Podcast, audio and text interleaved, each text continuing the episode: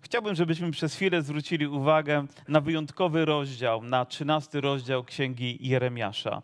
Nie wiemy, kiedy Jeremiasz się urodził, za to wiemy, kiedy został powołany, aby być sługą, aby być kapłanem, a nie kapłanem, przepraszam, prorokiem, bo on rzeczywiście pochodził z rodziny kapłańskiej, ale kapłanem nie był, by zwiastować Ewangelię. I czynił to w tych trudnych czasach, kiedy Izrael odstępował od Boga.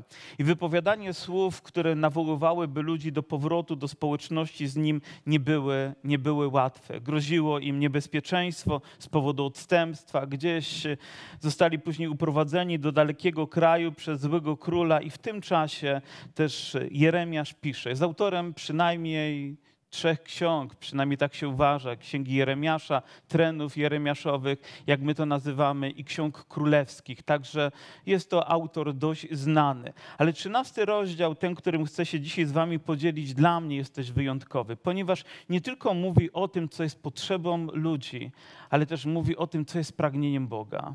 Mówi o tym, czego Bóg chce odnośnie swojego ludu. I chciałbym, żebyśmy razem rozważyli. Księga Jeremiasza, trzynasty rozdział. I jest to to historia prorocza, historia czy obraz proroczy dotyczący lnianego pasu. Czy ktoś z Was zna te, te proroctwo i z pewnością lubicie je tak jak ja, więc powtórzenie go i przyswojenie sobie będzie dla nas przywilejem. I oto zaczynamy takimi słowami. Tak rzekł Pan do mnie: idź i kup sobie lniany pas i włóż go na swoje biodra, lecz nie kładź go do wody. Wygląda na to, że gdy Bóg mówi do nas i przekazuje nam jakieś słowa, to nie tylko chce informacji, ale chce też posłuszeństwa. Nie tylko jest to teoria, ale czasami musi zamienić się w coś, co jest praktycznym krokiem w naszym życiu.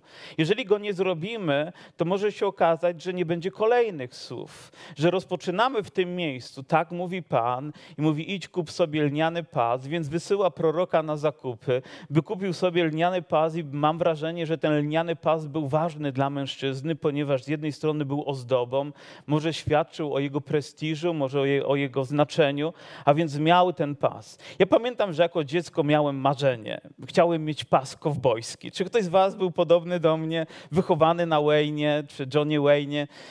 Gdzieś jako dziecko chciałem mieć pas i tak prosiłem rodziców, że pewnego dnia przyszedł Mikołaj, oczywiście wiecie, jak to z tym Mikołajem, i przyniósł mi pas, taki rewolwerski pas, który nosi się na biodrach, oczywiście różne, różno i dwa kolty.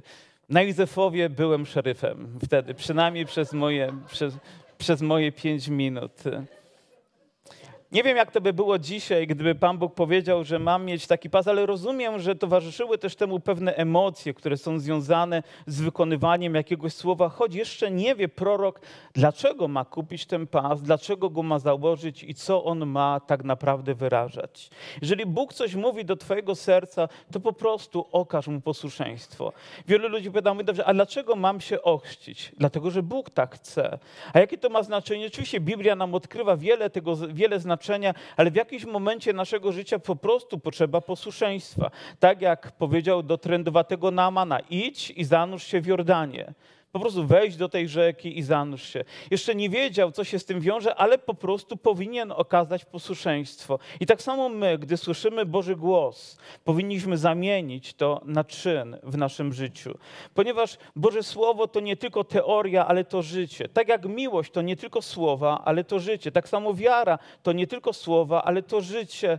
To świadectwo nie jest tylko tym, co wyrażają nasze usta, ale styl życia, który jest. A więc to, co wszystko czyni Bóg w naszym naszym życiu zamieniamy również na życie. Twoje życie jest proroctwem dla innych ludzi, gdy chodzisz w posłuszeństwie Bożemu Słowu. Ludzie widzą, jak się zachowujesz w tej sytuacji, jak okazujesz posłuszeństwo. A więc jego proroczą rzeczą było iść do sklepu, kupić ten pas i założyć na swoje biodra, bo tak chciał Pan. I czytamy o to dalej. Kupiłem więc pas zgodnie ze słowem Pana i włożyłem go na swoje biodra. I doszło mnie po raz wtóry słowo Pana tej treści. A więc zobaczcie, że nie tylko raz Bóg mówi, ale powtarza swoje słowo, kiedy my będziemy posłuszni w tym pierwszym.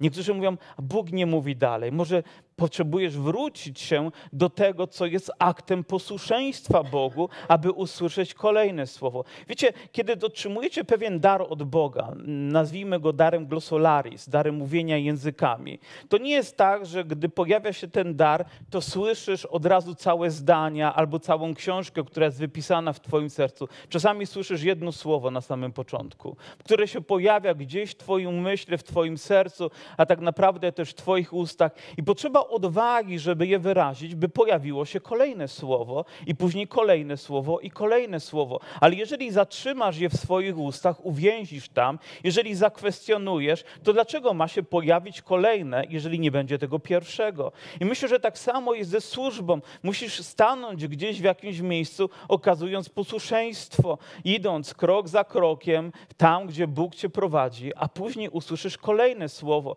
Bóg się doprowadzi do jakiegoś zakrętu i powie skręć w prawo, poprowadzi się dalej powie a teraz idź w tą drogą.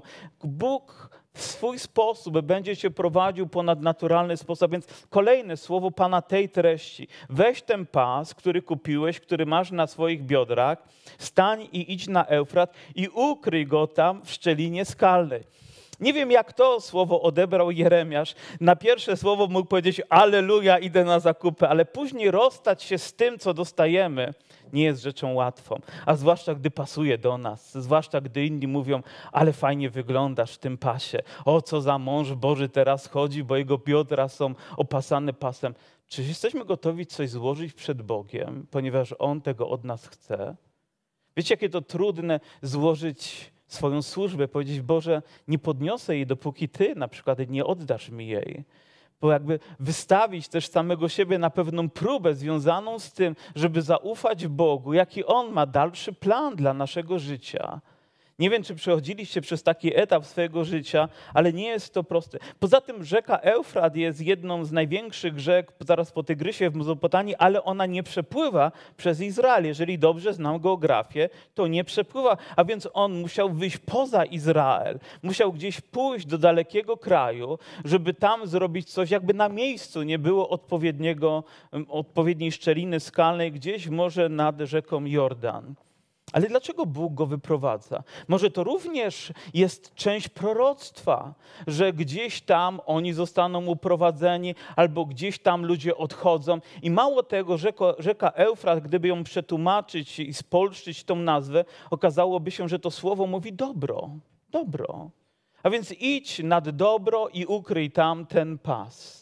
A może tak naprawdę nie ma dobra poza Bogiem dla nas i my o tym wiemy? Albo ludzie szukają gdzieś daleko dobra poza świątynią, poza tym miejscem, do którego zostali powołani. A więc jest to również obraz, przez który Bóg może chce przemówić. Dlaczego szukasz gdzieś, gdy tak naprawdę szczęście jest we mnie, jest w mojej obecności, jest tam, gdzie jestem ja? A ten obraz ma później w ten sposób przemówić do nas. Idź i ukryj go tam w szczelinie skalnej. Poszedłem więc i ukryłem go nad Eufratem, jak mi rozkazał Pan. Za każdym razem prorok okazuje posłuszeństwo. Pan mówi tak, on tak czyni. Pan chce inaczej, nawet jeżeli to nie jest wygodne, również czyni.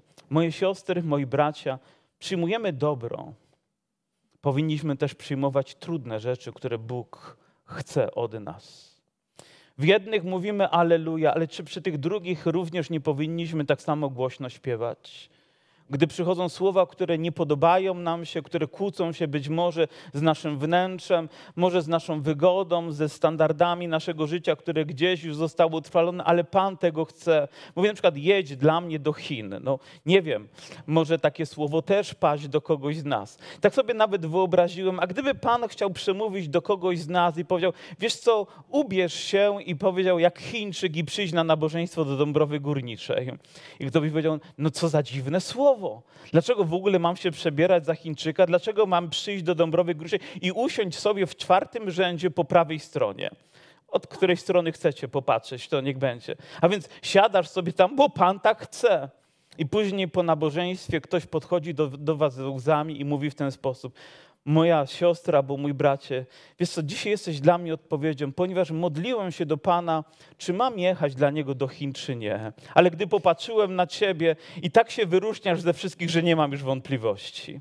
Więc myślę sobie, że Bóg w ten sposób czasami do nas przemawia. Poprzez innych ludzi, poprzez nasze posłuszeństwo, poprzez czasami nawet, nawet dziwne rzeczy, które czynimy, ale wiemy, że pochodzą od Boga, rozpoznajemy je w sercu i wiemy, że to nie tylko dziwactwo, które sobie wymyśliliśmy i teraz jesteśmy dziwakami dla innych ludzi, ale jesteśmy dla Niego chwałą. Jesteśmy też świadectwem dla innych ludzi, ponieważ Pan tego od nas oczekuje. A więc ma, miał ukryć i tak też uczyni. Poszedłem więc, ukryłem nad dobrem, nad Eufratem, jak mi rozkazał Pan. A po upływie wielu dni rzekł Pan do mnie. A dobrze, a co w przerwie? Pomiędzy jednym i drugim wydarzeniem, nie wiemy jak długo upłynęło, prorokował nosząc pas, posłuszeństwo kazał chowając ten pas, ale później przyszedł, przyszedł czas wielu dni. Nie wiem, wiele dni w Biblii to może być też naprawdę pół roku, rok, nie wiem jak długo. Co robisz w tym czasie? I gdy wziął, prorokuje. No ale nic nie robi, ale prorokuje. Dlaczego? Bo okazuje posłuszeństwo. Jesteśmy powołani do codziennego trwania w boku. Nie codziennie Bóg w taki sam sposób przemawia, ale codziennie z nami jest i mimo to przemawia do naszego serca nawet w ciszy. Mówi do nas przez swoje słowo, mówi do nas, gdy Go uwielbiamy, mówi do nas, gdy się modlimy. Nie dzieje się nic spektakularnego, ale co robię? Prorokuję. Prorokuję w ten sposób, że okazuje Bogu posłuszeństwo. Bóg powiedział, mam to zrobić, zrobiłem, więc teraz czekam na kolejny ruch z Bożej strony, ale w tym czasie dochowuję mu wierności. Kiedy żyjesz z Bogiem, nigdy nie będziesz znudzony. Kiedy trwasz w społeczności z Nim, to nie będzie to kolejne nabożeństwo, na którym tylko jesteś, ale czas, kiedy Bóg będzie przemawiał do mnie, będzie poruszał mojego ducha, nawet gdy nic w tym momencie nie dzieje się takiego, że jest warte opisania w jakiejś książce, ale ta książka się pisze. Ta książka jest gdzieś notowana, gdzieś w głębi nas, bo Bóg porusza się w swojej mocy. Amen? No więc czytamy dalej, że on ukrył ten pas i poszedłem nad Eufrat i grzebałem w miejscu, gdzie mm, po tych upływie oczywiście wielu dni, gdzie mm, ukryłem i zabrałem go stamtąd, lecz oto pas ów był zniszczony i do niczego się nie nadawał. Pamiętał go jeszcze, gdy był świeży, pachnący, założony na jego biodra, ale też Bóg mówi, ale nie mocz go. Nie wiem, czy to oznaczało, że to zamoczenie jakby dawało trwałość, niektóre elementy trzeba może zamoczyć, żeby nabrały jakieś wartości czy odporności na jakieś warunki atmosferyczne, ale Bóg mówi, nie, nic z nim nie będziesz robić, po prostu idź, później złożył go tam i tam czas i wilgoć, która była, więc warunki, w których przebywał, czas i niewłaściwe warunki, czas i niewłaściwe warunki przez wiele dni powodowały dzień za dniem jakąś utratę jego wartości, jakiś rozpad, który się dokonywał, dokonywał, dokonywał i gdy wyciągnął, zastanawiam się, jak pachnął, jak wyglądał. I to był obraz, poprzez który Bóg chciał przemówić. Jeżeli człowiek oddala się od Boga, idzie gdzieś do świata, czas i warunki, w których zaczynasz tam żyć, zaczynają powodować ogromne, ogromne skutki w Twoim życiu. Czas i odległość od Boga są tym, co niszczy nasze życie. Daleko od społeczności z Nim jest miejsce, gdzie nasze życie zaczyna tracić na wartości z dnia na dzień, każdego dnia. Nie zauważysz to jednego dnia, ale po stu dniach, patrząc obrazowo, już śmierdzisz.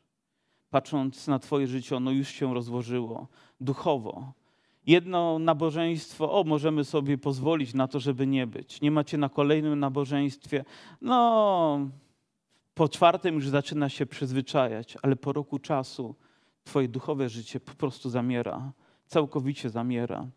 Nie ma dla nas życia poza społecznością. Dla nas miejsce jest przy Bogu, prawda, że tak? Tylko wtedy wiemy, jaka jest nasza wartość, wtedy znamy nasze przeznaczenie, wtedy wiemy, jaki jest nasz cel tak łatwo się przyzwyczajamy. Wiecie, smutną dla mnie jest rzeczą to, gdy słyszę, że na przykład po pandemii, która była pewnie jakaś trudna też dla całego świata, tak wielu ludzi nie wróciło do kościoła. coś się wydarzyło w tym czasie, jednego tygodnia, drugiego tygodnia, trzeciego tygodnia, czwartego. Przyszły jakieś okoliczności, przyszły jakieś sytuacje i dzisiaj nie ma tych ludzi. Nie wiem, jak wygląda ich życie, ale domyślam się, że, że nie wygląda tak, jak, jak Bóg chciałby ich zobaczyć. I doszło mnie słowo Pana tej treści. Znowu Pan przemawia do nich. Tak mówi Pan. Tak zniszczę pychę Judy i wielką pychę Jeruzalemu. Ten obraz był obrazem tego, co Bóg też zrobi z tym, co było niewłaściwe w Judzie i w Jeruzalemie. Wiecie, że, że Izrael był podzielony na dwa królestwa, które nawet nie żyły ze sobą w zgodzie, a też obydwa królestwa nie żyły w społeczności z Bogiem. Po prostu zaczęły się wynosić. Może zaczęły mówić sobie, my sobie damy radę, my tu coś znaczymy, może poradzimy sobie bez Boga. Wiecie, jaką arogancją jest to, gdy ten, kto został stworzony przez Boga, przychodzi do Niego, mówi, że Go nie potrzebuje że nie potrzebujemy Boga. Ktoś został zbawiony przez Pana, została mu okazana tak wielka łaska, a po wielu dniach przychodzi i mówi: Ale ja nie potrzebuję Boga. Ja już chcę żyć w tym świecie. Wyobrażam sobie, że takie słowa ranią tego, który, który je słyszy i dla którego ta osoba jest tak ważna, ale Bóg mówi: Tak zniszczę pychę Judy i wielką pychę Jeruzalemu, a później zaczyna tłumaczyć, w jaki sposób to będzie wyglądać. Ten lud zły, który się zbraniał słuchać moich słów. Na czym polega arogancja? Nie słuchasz Bożego Słowa. Nie słuchasz. To tak jak wy do kogoś mówicie, ale ty mnie nie słuchasz. Ktoś do nas mówi, a my zapominamy o tym, dlatego że nie słuchamy, nie koncentrujemy się na nim, który kieruje się uporem swojego serca, więc nie tylko nie słuchają, ale ich serca stały się twarde, stały się niewrażliwe, stały się odporne na Boże Słowo, co jest okrutne i straszne, gdzie i idzie za cudzymi bogami, służąc im i oddając im pokłon, stał się jak ów pas, który do niczego się nie nadaje. I do tego jeszcze dochodzi bałwochwalstwo, dochodzi kult. W zasadzie Jeremiasz jakby nawołuje w, swoim, w swoich księgach do dwóch rzeczy, a zwłaszcza w księdze Jeremiasza. Do tego, żeby Boży lud nie oddawał czci innym bogom i do tego, żeby nie łączył swojej religii z innymi religiami. Żeby nie powstawało to połączenie, które jest straszne, które niszczy Izrael od wewnątrz. Mówi, przed tym chcę ich uchronić. Gdybyśmy dzisiaj wiedzieli, że te słowa są do nas tak samo skierowane z wielką mocą, to Jeremiasz by powiedział, żadnego kultu i żadnego łączenia się na przykład ze światem. Kiedy próbujemy łączyć chrześcijaństwo ewangeliczne ze standardami świata, albo kiedy nie widzimy różnicy i tak łączymy też nasze chrześcijaństwo z innymi religiami, które nie mają nic wspólnego z Jezusem, a wręcz przeciwnie, są mu przeciwne i za, e, zaprzeczają wszystkim Bożym prawdom, to właśnie przed tym próbuje ostrzec nas Jeremiasz. Mówi: Nie wolno wam tego robić. Jeżeli będziecie to robić, to przyjdzie odpowiedź z nieba, której się nie spodziewacie. Księga przypowieści Salomona mówi tak: Jeżeli ktoś trwa w uporze, i ktoś trwa w uporze, i ktoś trwa w uporze niezmiennie, to pewnego dnia będzie w strasznej sytuacji swojego życia. Jeżeli nie oddajemy Bogu chwały, do czego jesteśmy powołani, to komu oddajemy chwałę? Sobie albo jakiemuś bóstwu, bo na kimś się koncentrujemy. Bóg chce, aby On był zawsze na pierwszym miejscu i mówi tak, mówi, stało się z moim narodem, bo jak pas przylega do bioder męża, tak chciałem, aby cały dom izraelski, cały dom judzki, innymi słowy, cały mój lud, mówi Pan, przylgnął do mnie, aby być moim ludem, moją chlubą, moją chwałą i ozdobą, lecz oni nie słuchali. Bóg wyraża tutaj ogromne pragnienie, żeby tak jak ten pas kiedyś na biodrach Jeremiasza, który przylgnął do niego, który mówił o jego sile, być może o jego wartości i zacności, tak chciał Bóg chlubić się swoim ludem, po prostu ludem, który wybrał, który powołał, o który się troszczył, który chronił, który wyrwał z niewoli i który tak wiele razy zaopatrywał i który razy, tak wiele razy chronił przed innymi ludami i dał im swoje prawa. Chciał, żeby ten lud był jego chlubą. Czy myślicie, że dzisiaj jest inaczej? Że gdy Pan Jezus powołuje nas, gdy Pan Jezus daje nam zbawienie, gdy ukazuje nam swoją łaskę, gdy przebacza nam nasze winy, gdy prowadzi nas swoimi drogami, czyż Jego pragnieniem nie jest również to, aby Jego lud, Jego Kościół był Jego chlubą, był Jego chwałą i był Jego ozdobą? Był czymś, co jest Mu tak bliskie, jest Mu tak drogie. Ale to do tego potrzeba po prostu przylgnąć do Pana do tego potrzeba posłuszeństwa, do tego potrzeba wierności, do tego potrzeba wytrwałości, do tego potrzeba niezłomności też i naszej postawy, i naszego charakteru i to codziennego, po prostu codziennego kroczenia za Bogą. Bóg definiuje, chce, żebyście byli chlubą, chwałą i ozdobą. Może warto zapamiętać te trzy słowa, może wyryć je gdzieś w naszych sercach. Jeżeli do kogoś przylgniemy, jeżeli jesteśmy z kimś blisko, to zaczynamy też nim pachnieć, prawda? Nie wiem, jeżeli bracia, nie wiem, po nabożeństwie czy przed nabożeństwem czasami widzę, że się, się witamy, czy tam kogoś obejmujemy, a więc jeżeli na przykład e, przygarnąłbym w swoje ramiona, choć nie chcę tego słowa używać, nie, nie tego słowa chciałem użyć, jakąś ładnie pachnącą siostrę w zborze, to myślicie, że ten zapach nie pozostanie na mnie? Żona przyjedzie wieczorem i mówi, czuję obce perfumy, nie? Bo to, bo to po prostu pozostaje, bo ten jeden moment nawet sprawił, ale jeżeli z kimś przebywamy dłużej i dłużej i dłużej, to po prostu nim pachniemy, dlatego że przylgnęliśmy do niego. Zdarzyło mi się, że musiałem iść do urzędu i tłumaczyć się, ponieważ za grzechy mojej córki młodszej córki, muszę tutaj dodać, ponieważ kupiła sobie swój pierwszy taki mały samochód i sprzedała i kupiła trochę większy samochód, ale zapomniała, że trzeba ten samochód zgłosić w urzędzie. Wiecie, jak to jest, kiedy się sprzedaje. Ona tego nie zrobiła we właściwym czasie, więc groził nam mandat, czy jakiś tam jakieś reperkusje finansowe, które mogły być dość duże. Ale że byłem współwłaścicielem, jak to jest, że rodzice muszą odpowiadać za grzechy swoich dzieci, no to kto poszedł do urzędu? Oczywiście, że ja pojechałem do tego urzędu, żeby się tłumaczyć. I wiedziałem, że z urzędnikami trzeba mądrze postępować, a życie mnie już nauczyło, że dobrze jest wejść i od razu na przykład czynny żal wyrazić. Więc od razu przyznałem się do winy. Oczywiście trochę zrzuciłem na córkę, nie, żeby nie było tak łatwo. Powiem, że wyrażam tutaj czynny żal, zaniedbania, że nie złożyliśmy tego w terminie, ale córka tutaj no, zaniedbała to, ponieważ to był jej pierwszy samochód. I mówię, i taka młoda kobieta po drugiej stronie jest. Mówię, wie pani, jak to jest, że jak się ma małe dzieci, to jest mały kłopot, jak się ma duże dzieci, to jest, to jest trochę większy kłopot. Ona mówi, tatuś mi tak mówił. I naprawdę tak mówi, o tatuś mi tak mówi. On mówi, widzi pani, miała pani mądrego tatusia jeszcze do tego. I rozmowa zrobiła się naprawdę przyjemna. Nawet te dwie panie obok skupiły uwagę na nas, ponieważ nie było innych petentów, tylko ja. I taka atmosfera się zrobiła, że nie mogła dać mi mandatu. Naprawdę bardzo przyjemna. Mówi, to ja pójdę tam pozałatwiam sprawy, bo trzeba było dokumenty oczywiście wypisać, tam jakieś wnioski, jakieś korekty, inne rzeczy. Więc ona zabrała te dokumenty, przechodziła obok mnie, poszła na na górę, nie było jej chwili, później przybiegła szybko, stanęła po drugiej stronie i mówi tak, przechodziła obok mnie dwa razy, mówi, pan nawet pachnie jak mój tatuś.